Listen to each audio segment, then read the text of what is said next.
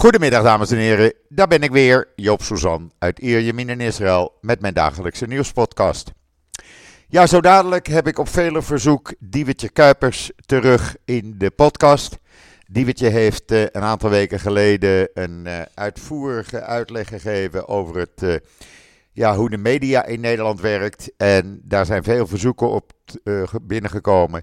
En ik heb haar weer teruggevraagd. En zij is de eerste podcastgast in het nieuwe jaar.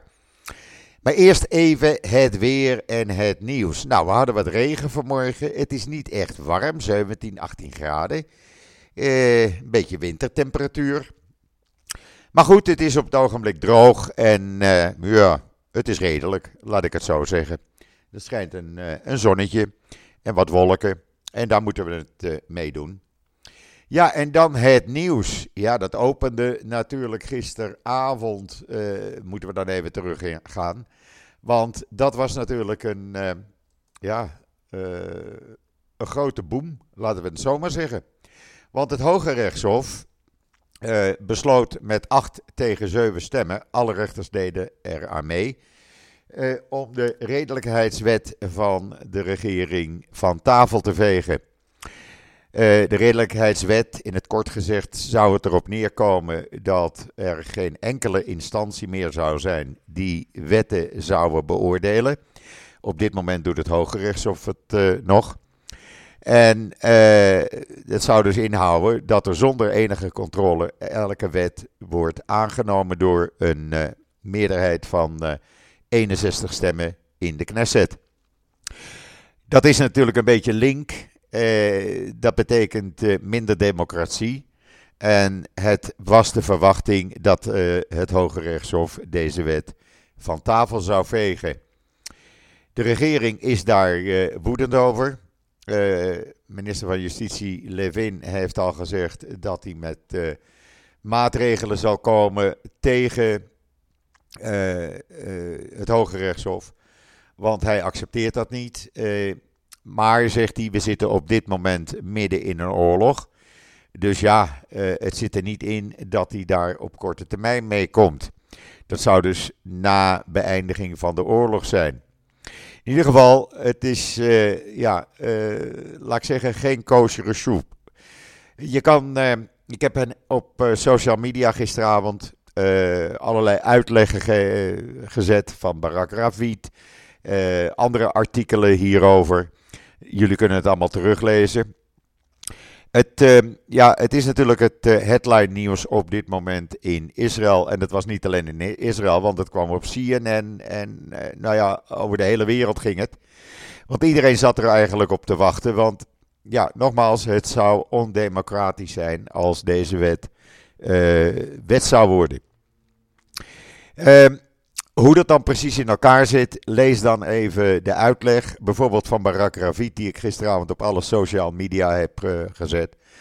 De gevolgen zouden kunnen zijn als de regering toch met maatregelen tegen het Hoge Rechtshof komt, dat uh, Benny Gans, die nu uh, minister in het oorlogskabinet is, eruit zou gaan. En dan hou je dus een extreemrechtse regering over die over de oorlog gaat uh, beslissen. Ik hoop dat het niet zo ver komt. Laten we redelijk blijven, zou ik zeggen. En kijken welke alternatieven na de oorlog dan wel mogelijk zullen zijn. Ja, en voor de rest, wat hebben we nog meer? Uh, het gaat in het uh, noorden behoorlijk tekeer. Er zijn vanmorgen twee raketten op Slomi uh, geland. Dat ligt dicht bij de kibbutz van uh, een van mijn broers. Uh, er is wat lichte schade geweest. Maar het gekke was, er was geen alarm. Want het blijkt dat het luchtalarm niet werkt op dit type raketten. Dan moeten ze er ook maar wat aan doen. voor de rest hebben we natuurlijk de, ja, de strijd in Gaza. Ik heb wat artikelen online gezet op israelnieuws.nl waar je uh, wat video's kan zien. Uh, er is vanmorgen ook het huis vernietigd van de, de Hamas-commandant van Gaza-stad. Dat bleek een wapenopslagplaats te zijn. Er is in een moskee een enorme wapenvoorraad gevonden. Uh, ja, het is eigenlijk het gebruikelijke dagelijkse liedje eigenlijk En voor de rest hebben we natuurlijk de renteverlaging gehad. De gouverneur van de Bank van Israël heeft voor het eerst in een aantal jaren de rente verlaagd met een kwart procent naar 4,5 procent. Uh, hij doet dat om de economie uh, te steunen, want ja, uh, met deze oorlog draait de economie ook niet lekker. De IDF heeft wel gezegd dat ze een aantal brigades, waarschijnlijk vijf brigades, zullen ontslaan. Die mensen kunnen dus weer terug in de economie. Maar dat is niet genoeg, dan praat je over 20, 25.000 mensen uh, van de 360.000. Uh, eh, de hele uitleg waarom, het hoe en waarom van uh, de gouverneur van de Bank van Israël heb ik op Israël Nieuws gezet. Daar kwam een heel lang perscommuniqué en daar kan je precies lezen waarom hij tot dit besluit gekomen is, wat hij verwacht. Uh, hij verwacht bijvoorbeeld een inflatie tussen de 1 en 3 procent. En hij hoopt dat hij uh, daaraan kan voldoen. Zekerheid geeft hij niet. Maar goed, we zullen het af moeten, af moeten wachten. Daarnaast heeft mijn broer, was weer zo aardig om een, ja, een, een hele indringende column te schrijven. Die heb ik online staan in israelnieuws.nl en op alle social media over gegijzelden gesproken. Het is een column die bij een aantal mensen, vooral in Nederland, hard aankomt. Ik ga niet verraaien waarom, dan moeten jullie zelf maar even lezen. Maar eh, ja, het wordt weer een hit, laat ik het zo maar noemen. Eh, dan hebben we de uitspraak van minister van Defensie Galant. Die eh, eh denkt dat er eh, binnenkort de eerste bewoners in het zuiden terug kunnen keren naar hun huizen. Dat zou gaan uh, tot een straal van 7 kilometer van de grens met Gaza. Of dat zo is, dat hangt dan natuurlijk ook af van wat er de komende dagen gaat gebeuren. Maar hij verwacht wel dat deze mensen terug kunnen keren. Alleen, er staan in de meeste uh, gemeenschappen, de meeste kibbutzim, geen huizen meer. Die zijn totaal vernield op 7 oktober in de brand gestoken. Uh, daar is weinig meer van over, dus dat moet eerst allemaal herbouwd worden. En daar ben je natuurlijk ook wel uh, even zoet mee. Er is wel geld voor beschikbaar gesteld, dus mensen kunnen aan de gang. Het is in ieder geval een positief teken, laten we dat zomaar zeggen. Het is een positief teken. En uh, ja, hopelijk dat er meer kibbutzim zullen gaan volgen. Dan is er een gezamenlijke operatie geweest van de grond, uh, zeemacht en luchttroepen. Uh, daar heeft men weer enkele uh, tientallen raketlanceerinstallaties gevonden en onschadelijk gemaakt. Men heeft terroristen geëlimineerd. En ja, eigenlijk wat ik al zei, het gebruikelijke liedje. Maar het houdt niet op, het gaat maar door.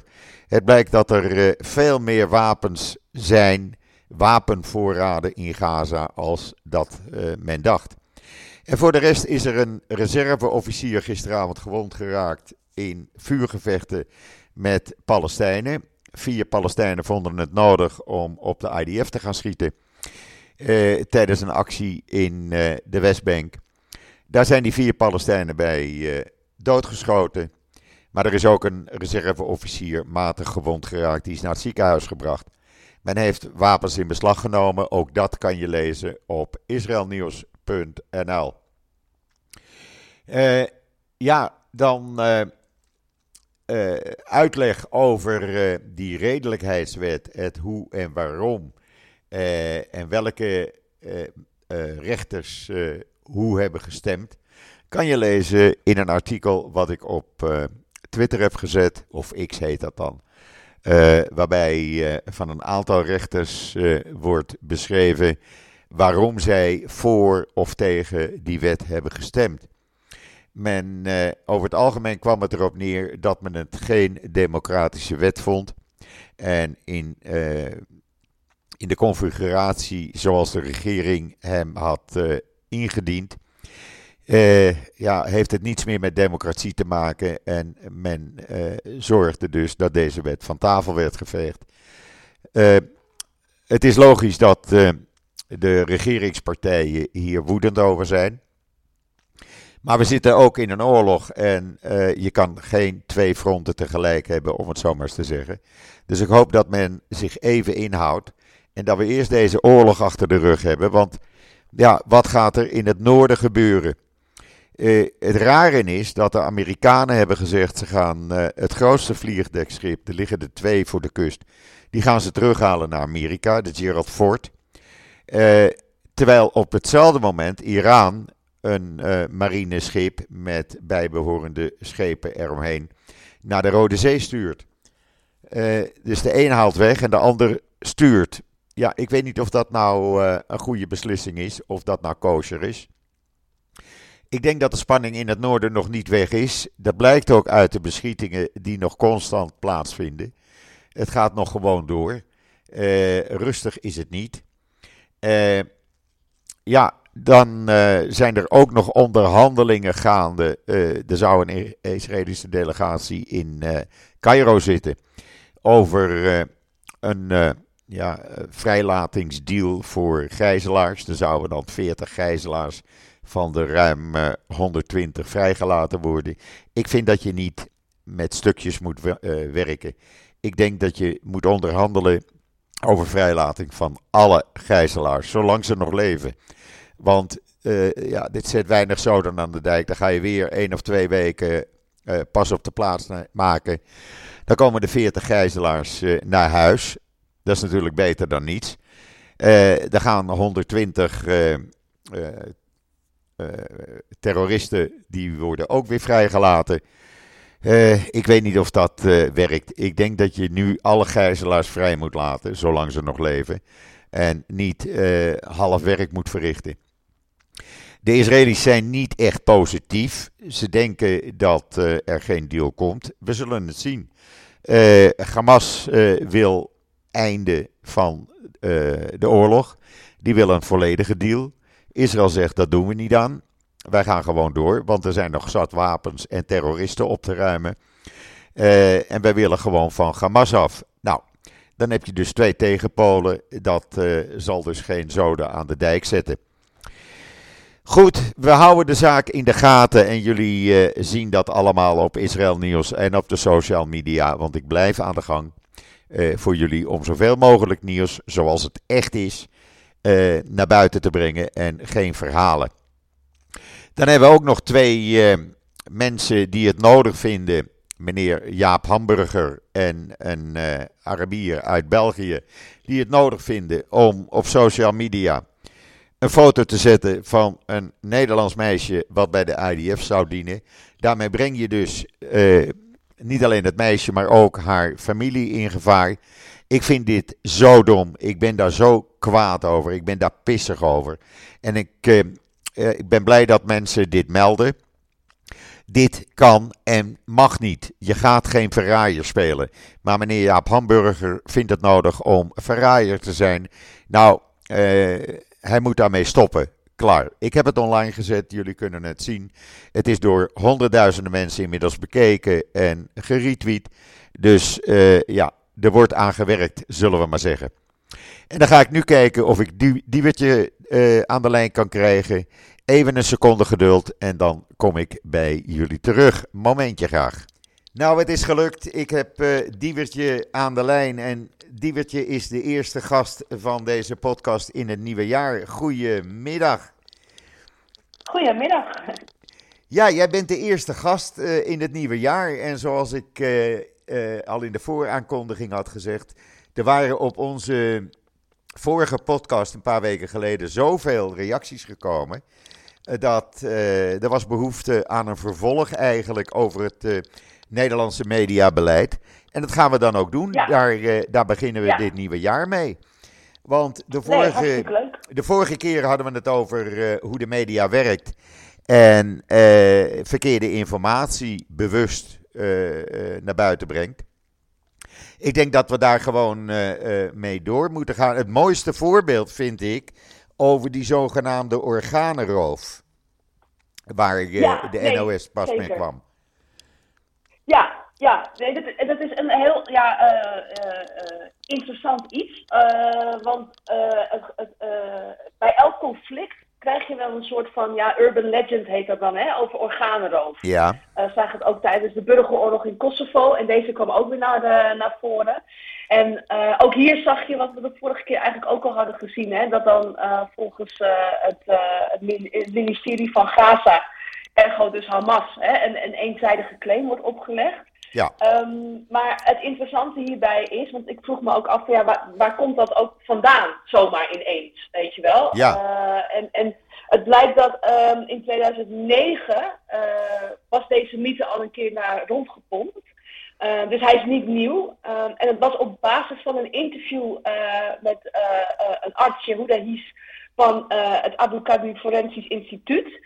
Um, die had een interview in 2000 gegeven uh, met een professor antropologie van uh, de Californische Berkeley Universiteit, Nancy Sheeper Hughes. Ja. En hierin had hij gezegd dat pathologen vaak huid, botten en hartkleppen van lichamen van zowel Israëlische burgers als Israëlische soldaten als Palestijnse burgers en immigranten vaak al namen zonder daarvoor duidelijk toestemming van de familieleden te hebben. Nou, de, de, dit zijn eigenlijk hè, waar dat eigenlijk vandaan komt. Nou. Zijn claim uh, is vervolgens in 2009 door een Zweedse krant, de Aftonbladet, uh, rondgepompt. En in uh, dat artikel had die Zweedse krant ook interviews afgenomen met Palestijnen. Die inderdaad zeiden dat bij jonge mannen uh, uit de, West, uh, uh, de Westbank en de Gazastrip, dat ook zij hè, hun lichamen terug hadden gezien zonder, zonder organen. Nou, dit is vervolgens toen al in 2009 op social media rondgepompt. En daarin heeft de Israëlische uh, autoriteiten hebben gezegd van ja, dit gebeurde wel eens. Dat er niet duidelijk hè, uh, toestemming was van de familie. Maar dat is in 1990, in de jaren 90 is dat al lang geëindigd. Dit gebeurt al langer niet meer. Hè. Dus dit is iets wat voorheen gebeurde. Niet alleen bij Palestijnen, maar ook bij Israëlische staatsburgers.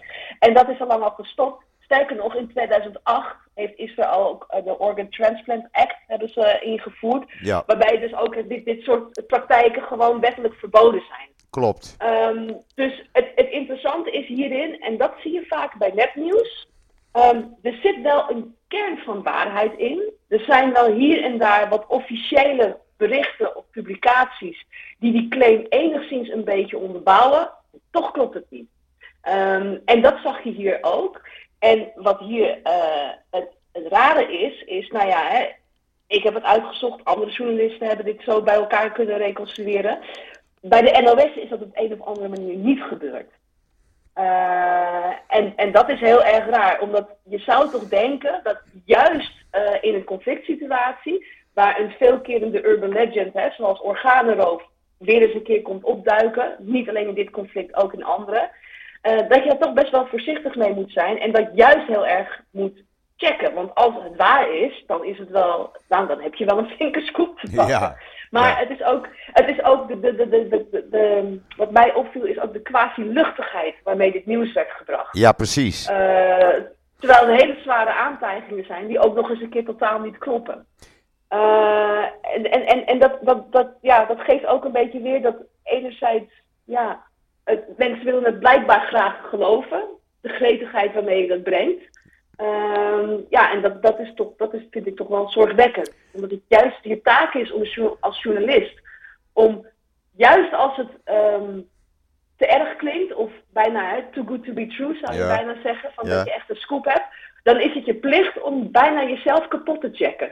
Ja, precies. Maar je- wat, je- wat je de NOS hier ja. deed, wat de NOS hier deed, op een gegeven ogenblik konden ze er niet meer onderuit en hebben ze het gerectificeerd. Maar gerectificeerd op een pagina, niet waar het nieuws over Israël en Gaza staat, maar op een totaal andere Nee. pagina waar niemand eh, komt. Ja, en dat is echt ontzettend flauw. Eh, kijk, want je, kan, je hebt rectificeren en rectificeren. En dit is alles behalve ruimhartig. Ehm, ik heb het wel vaker gezien, niet alleen bij dit hoor. Maar wat, wat ik wel vaker ook zie is hè, bijvoorbeeld eh, online media. Dan publiceren ze iets. En dan wordt er stilletjes een kop aangepast. Of dan stilletjes nog even, eh, hè, als ze ergens op worden gewezen, iets in de tekst aangepast. Ja. Ah, dat is het voordeel natuurlijk van online. Dat je snel kan, kan dingen kan aanpassen. Maar de openheid over wat er precies is aangepast. Ehm, dat ontbreekt nog wel eens. Ehm, en dat is denk ik toch, wat, wat, wat, ik denk met name, wat mijn vermoeden is hoor. wat je bij NOS ziet, van ze liggen, nou ja, toch wel een beetje onder vuur. Ik denk niet geheel onterecht. Maar daar kan juist een soort van kramp door ontstaan. Dat ze nog minder transparant worden en nog minder graag hun fouten toegeven. Waardoor mensen hun juist eerder nog minder gaan vertrouwen dan dat ze dat vertrouwen terugwinnen. Ja. Maar ik vermoed dat die, dat, dat, dat die kramp daar iets staat, dat, dat, dat daar iets mee te maken heeft. Ja, maar in dit conflict, in deze oorlog, zie je dat, dat uh, de NOS meer de kans, kant van uh, uh, Hamas kiest. dus gewoon alles wat Hamas naar buiten brengt voor waar aanneemt en publiceert. Een soort doorgeefluik van, de, uh, van Hamas is. Terwijl ze de Israëlische kant helemaal niet belichten. Daar komen ze niet mee. Ja, nee, maar dat was eigenlijk wat we vorige keer ook een beetje over hadden. Hè? Van inderdaad, van, um, uh, er wordt wel een claim uh, naar buiten gebracht. En dan zeggen ze ja, maar het is een claim, het is een bewering door een officiële instantie, dus is het nieuws. ja, dat is hetzelfde als, als, als, als Wilders gaat roepen. Uh, Mark Rutte heeft zijn moeder vroeger geslagen. Ja. Uh, dat, je dan, dat je dan vervolgens het NOS-nieuws gaat openen met... Uh, Rutte slaat moeder, zegt Wilders. Rutte heeft nog niet gereageerd. Ja, dat doe je ook niet. dus in dit geval lijkt me dat je dat ook niet zomaar een claim ja, kan rondpompen op basis van... Het is een officiële instantie. Ja, maar kijk, dus als je, nou, als je nou bijvoorbeeld neemt, hè, het, het zogenaamde ministerie van Gezondheid van Hamas. Die brengt cijfers naar buiten over het aantal slachtoffers. Ja? Er is geen enkele instantie die dat kan controleren. Het komt van één kant. We hebben dat toen gezien, heel in het begin van deze oorlog, met die uh, zogenaamde 500 doden bij het ziekenhuis. Daar bleek dus niks van, aan, uh, van waar te zijn. Het was ook geen Israëlische aanval, was een raket van Hamas die op het parkeerterrein van het ziekenhuis terecht kwam, waarbij enkele tientallen mensen uh, overleden, maar geen 500. En, daar kwam Hamas mee en dat nam iedereen over. 500 doden bij een ziekenhuis. Ja, ja en dat is ook wat je daar ook met name zag, uh, we hebben het eigenlijk vorige keer juist niet over gehad, maar wat mij daarbij ook opviel, um, het was bijna als een soort van uh, opluchting. Van, oh eindelijk, Israël heeft ook iets fouts gedaan na 7 oktober. Het wereldbeeld is weer in balans. Uh, waar 200 vechten hebben, 200 schuld. Omdat op het moment um, dat jij ook inderdaad aanneemt hè, dat die, uh, die, die terreuraanslag van, uh, van 7 oktober, als je dat ook ziet voor wat het was, dan moet je daar bepaalde consequenties aan verbinden. Ook misschien met betrekking tot je wereldbeeld. Ja. Um, en als je dan, hè, dan het nieuws naar buiten kan brengen, of in ieder geval hè, feiten tussen aanhalingstekens gepresenteerd krijgt, die jouw uh, wereldbeeld in een equilibrium weer kunnen herstellen, dan is dat heel erg verleidelijk om daarmee uh, ja, uh, mee aan de haal te gaan. En ik denk ook um, niet dat dit opzettelijk is. Ik denk ook inderdaad dat gewoon de journalisten die daar zitten zelf niet doorhebben uh, door wat voor filters zij eigenlijk gewoon uh, uh, naar de wereld kijken. Dat ze dus zelf niet doorhebben hoe bevooroordeeld ze eigenlijk zijn. en, en eigenlijk dus ook niet in staat om gewoon methodologisch, hè, gewoon heel zuiver feiten af te wegen. Maar ook wat de implicaties hiervan zijn. Want um, daar, moest ik laatst ook nog over denken, van, hè, ook met betrekking tot uh, uh, vreselijke verkrachtingen onder vrouwen die hebben plaatsgevonden. Uh, wat ook heel lang hè, maar niet erkend werd. ook inderdaad, normaal gesproken, vrouwenrechtenorganisaties, feministische organisaties. Nou, een man hoeft maar iets te lang naar vrouwenbillen te kijken op een redactie. En er staan meteen hele longreads in dagbladen over wat voor vreselijke witte man er nu weer aan het stuur staat. Um, maar op het moment dat er daadwerkelijk echt sprake is van massaverkrachting en marteling van vrouwen tijdens een terreuraanslag, was het allemaal moeilijk, moeilijk. En ja, dan moeten we eerst de feiten helemaal oprijden. En zelfs toen die kwamen, de feiten, werd het nog niet geaccepteerd. Precies, uh, heel, heel schoorvoetend eigenlijk. Men, men, ja, ja, men is er nog niet duidelijk over uh, geweest want na dat artikel in de New York Times, ja, toen kon de NOS er niet meer onderuit. Toen hebben ze dat naar buiten gebracht, als zijnde van de New York Times. Maar nog niet van, we zijn overtuigd. Ja, ja. Maar dat is heel, heel vaak wat je ook gewoon ziet. ik denk dat het ook een zekere van cognitieve dissonantie is om gewoon iets te accepteren en te zien voor wat het is. Want op het moment inderdaad hè, dat jij erkent dat er een genocidale terreuraanslag is geweest, op het moment dat je de feiten die naar buiten komen dan niet op waarde weet te schatten, ben je eigenlijk gewoon aan genocideontkenning aan het doen. Precies. Iets wat we hebben gezien na de Holocaust, iets wat we hebben gezien met de Armeense genocide, met de Cambodjaanse en de Bosnische genocide. Ehm, je ziet eigenlijk diezelfde mechanismes nu ook weer terugkeren. Uh, Juist. Uh, en, en ik vind dat vrij ernstig. Uh, ik denk dat er ook veel te weinig aandacht voor is, van wat het effect hiervan is. Nogmaals, hè, we hebben vrouwenbewegingen, MeToo-bewegingen gehad die volop aandacht hebben voor secundaire victimisatie. Hè, dat als vrouwen, als ze aangifte doen van verkrachting, dat ze dan vervolgens niet geloofd worden. Nou, denk maar eens na wat voor schaal uh, we het nu over hebben. Ja, maar er is geen één vrouwenorganisatie in Nederland, of waar dan ook geweest, die zich hier uh, tegen uit heeft gesproken. Die gezegd heeft nee, van, uh, wat is hier aan de hand? Niemand heeft er iets over gezegd. Niemand. Precies, precies. En eigenlijk zie je dus uh, uh, een herhaling eigenlijk van, van zetten. Want wat we eerst ook zagen, hè, dat, ze, dat bepaalde gemeentes niet de Israëlische vlag, vlag wilden hijsen. Ja. Omdat dat dan polariserend zou zijn. Eigenlijk is dit hetzelfde, hè, van uh, je uitspreken tegen iets wat hè, Israëlische burgers is aangedaan dat wordt al gezien als polariserend. Ja. Dus het benoemen van feiten, hè, wat Ja. slachtoffers is aangedaan, dat mag niet, want dat is zielig voor daders of degene die zich identificeren met die daders. Weet je wel, dus daar, daar zie je al eh, eh, eh, een totale ja, scheefgroei. Ja, maar die is er ook. Die is er ook. Ja, Want zelfs nu, eh, bedoel, eh, vrouwenorganisaties zouden zich ook nu nog eh, eh, tegen die terreuraanslag kunnen uitspreken. Wat er vrouwen en meisjes is aangedaan. Ik bedoel, het is te verschrikkelijk voor woorden. Maar ja, net wat jij zegt, een man hoeft maar naar eh, de billen van een vrouw te kijken. En al die vrouwenorganisaties die staan op hun achterste benen. Hier worden honderden vrouwen verkracht, verminkt, vernederd. En er wordt niets gezegd. Er wordt niets gezegd. nee, het wordt. eh, nee, Ik vind dat onbegrijpelijk. Nee, precies. Ja, nee, maar dat is het ook. Dat is ook onbegrijpelijk. En ik denk dat het ergste is eigenlijk, ehm, eh, want, want ja, je gaat bijna als een soort van antropoloog naar je eigen vakgebied kijken, om het zo maar Ja. te zeggen.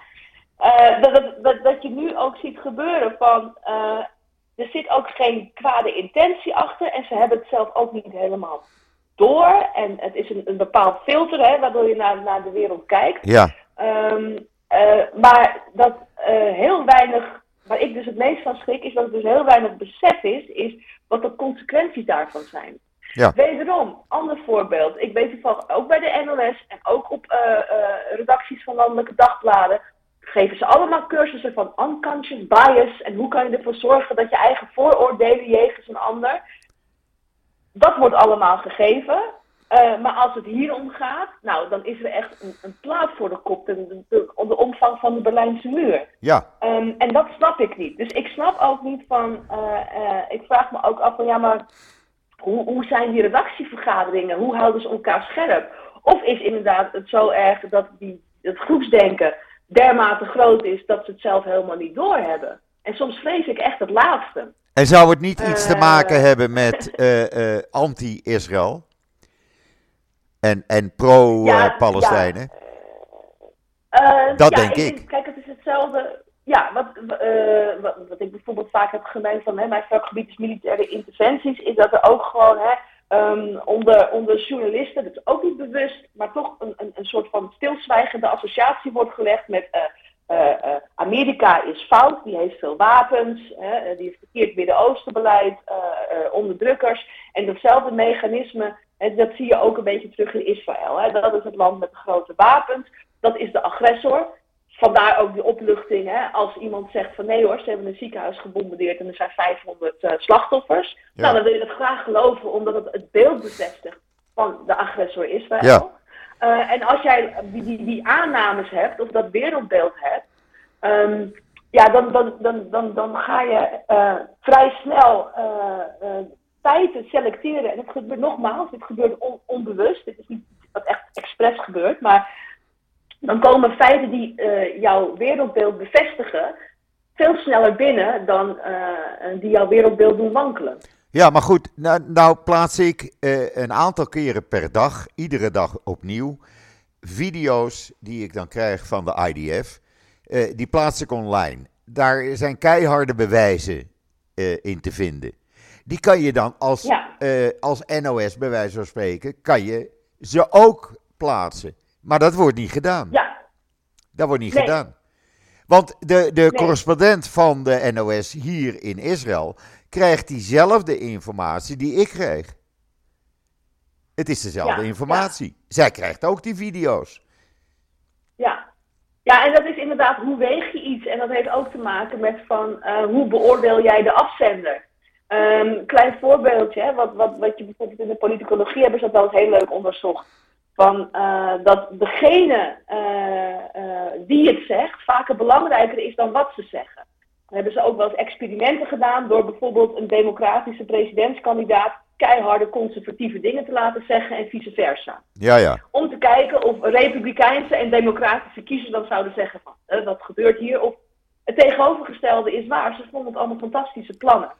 Dus dan zie je ook van dat mensen veel meer gericht zijn op wie het zegt. Dus als jij al een soort van vooroordeel hebt, hè, wat denk je denkt van nou ja, maar Israël is de agressor en we weten allemaal hoe het met Irak was gegaan. Toen hadden ze ook zogenaamd bewijs. Het zal allemaal wel, als dat een beetje jouw, jouw houding is ten opzichte van de Israëlische regering, dan zal je de informatie die je voor ogen krijgt ook door die bril uh, gaan beoordelen. Ja.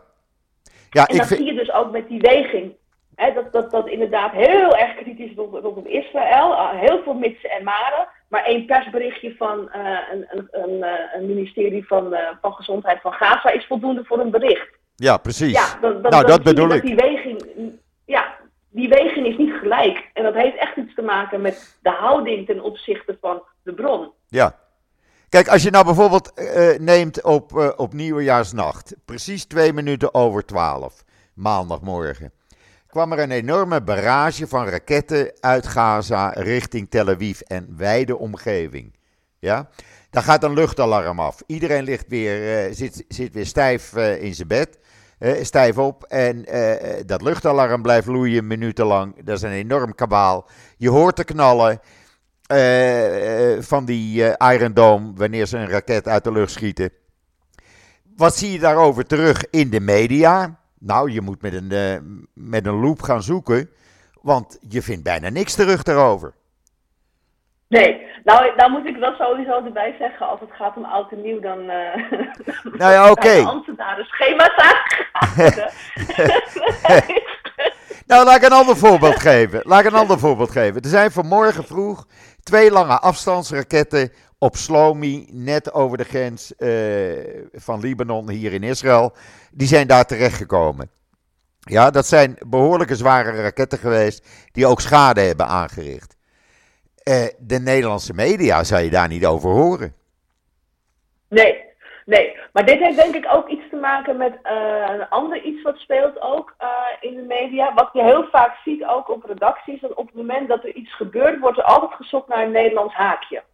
Dat zie je ook bijvoorbeeld bij de berichtgeving over Rusland-Oekraïne. Uh, alleen als het gaat over eh, F-16's of als het iets met onze apparatuur of onze minister heeft te maken. Kortom, als er een Nederlands haakje is, dan komt dat nieuws veel sneller uh, wordt dat gebracht dan, dan standaard ontwikkelingen binnen een conflict. Terwijl soms belangrijke ontwikkelingen in een conflict veel belangrijker zijn om als nieuws te brengen dan een, een, een, paar militaire middelen die, die worden gedoneerd. Maar dat is ook een soort van uh, filter waardoor hè, uh, uh, informatie en dus ook wordt bepaald wat nieuws is. Um, en dat is heel erg als het gaat om het buitenland. Um, Nederland is behoorlijk een in zichzelf gekeerd land, wat dat betreft. Ehm, als je ook kijkt, hè, sla maar eens een buitenlandse krant open, of nou een Franse, een, Britse, een Amerikaanse, of ook wat dat betreft Portugese krant hier is. Daar zie je nog veel meer echt buitenlandcorrespondenten die gewoon is het nieuws afwegen in de context van het land waar ze correspondent zijn. Ja, ja. Het is van, uh, wat jij ook zegt, nou dat gebeurt hier, dat wordt hier toch echt wel als belangrijk gezien. Dat is dan inderdaad hè, het wegingsmoment van is dit nieuws of niet. In Nederland is dat heel erg niet zo. In Nederland is het heel erg, wat is het Nederlandse haakje? Ja, ja. dus, uh, je ja, ziet ja. heel veel dat journalisten ook van, uh, ik, ik, noem maar wat, dat, dat, ik, ik noem dat altijd als voorbeeld, uh, heel veel economische verhalen die over de huizenmarkt gaan, ja, die beginnen dan ook met een soort van, ja, Pietje is zoveel jaar oud en kan geen uh, huis vinden. Want dan moet het dicht bij de lezer worden gebracht. Weet je wel, alsof ja, ja. lezers niet ja, geïnteresseerd kunnen zijn in gewoon een interessant economisch verhaal. Ja, precies. Dus dat zie je heel, heel erg ook met de, met, de, met de Nederlandse berichtgeving. Van, is het interessant voor onze lezers? Nou ja, het beeld of kijkers. Nou ja, het beeld wat journalisten van hun publiek hebben. Daar kan je ook nog een aparte podcast over maken. Maar, langs, maar, langs die lijnen, maar langs die lijnen wordt wel vaak ook uh, gedacht. Ja, ja. En dan zie je dus ook, als het gaat, dat ben ik zeker met je eens, als het gaat om, om conflicten of dingen die in het buitenland gebeuren, um, wordt veel te veel gewogen de berichtgeving over uh, in hoeverre is het voor ons in Hilversum en in de grachtengordel interessant om dit te brengen. Uh, dan in hoeverre uh, is dit belangrijk nieuws of een belangrijke gebeurtenis binnen dit conflict ja. in dit land. Ja. ja, het is een andere benadering. Ook, ja. Het is een andere ja, benadering. Ja, ja, ja. Ja. Ja, ja. maar dat, dat, dat, dat, dat zorgt er denk ik wel voor dat het voor jou extra bevreemdend is natuurlijk. Ja. om die berichtgeving te zien. Ja, ja precies. Om, omdat, nogmaals, ik krijg dezelfde persberichten als iedere correspondent uh, uit welk land dan ook hier in Israël krijgt. Ja. Uh, ik bedoel, je staat ingeschreven bij Government Press Office. Je schrijft je in bij de IDF uh, persbureau. En je krijgt gewoon de informatie as het is. En daar kan Ja. je mee doen en laten wat je wil. Maar als je daar niks mee doet of je gaat dat verdraaien, ja, dan eh, verdraai je ook het nieuws. En dan, eh, eh, dan maak je je eigen verhaal van het nieuws in plaats van de feiten gewoon op tafel te leggen. Ja, precies. En daarnaast is er nog zoiets. Kijk, want ik, ik, ik, ik, ik, ik zal echt wel. ehm, eh, kijk, ik waardeer het echt wel als journalisten ook een beetje eh, afstand hebben. Van, nou, hè, een persbericht is toch een persbericht. Of dat nou van een bedrijf is of een regering of wat dan ook. Hè. Dat wordt vanuit een, een, een, zeker belang geschreven. Eh, wat dat betreft net zo'n filter of een koker, hè, waar wij bij de Ja. journalistiek over hebben. Dat hebben anderen hebben dat net zo goed. Maar dan is natuurlijk de volgende vraag van ja, eh, als je al denkt van nou, ik, ik denk er het mijne van, ja, wat let je om zelf ook te gaan kijken of te gaan rondvragen? Hè? Of, Ja, of zo moeilijk is dat niet. meelopen misschien. Precies. Nee, precies. Dus, dus daar zit dan wel ook in van eh, dat, dat, dat gebrek aan interesse vervolgens. Hè? Want eh, dat je Ja. niet meteen gelooft, zwaar. Ja. Maar dan betekent niet dat dat ook het einde hoeft te zijn van de interesse. Nee, of van de nieuwsgierigheid. precies. Ehm, en dat zie je natuurlijk ook, dat die nieuwsgierigheid eh, een beetje ontbreekt. op Ja. sommige fronten.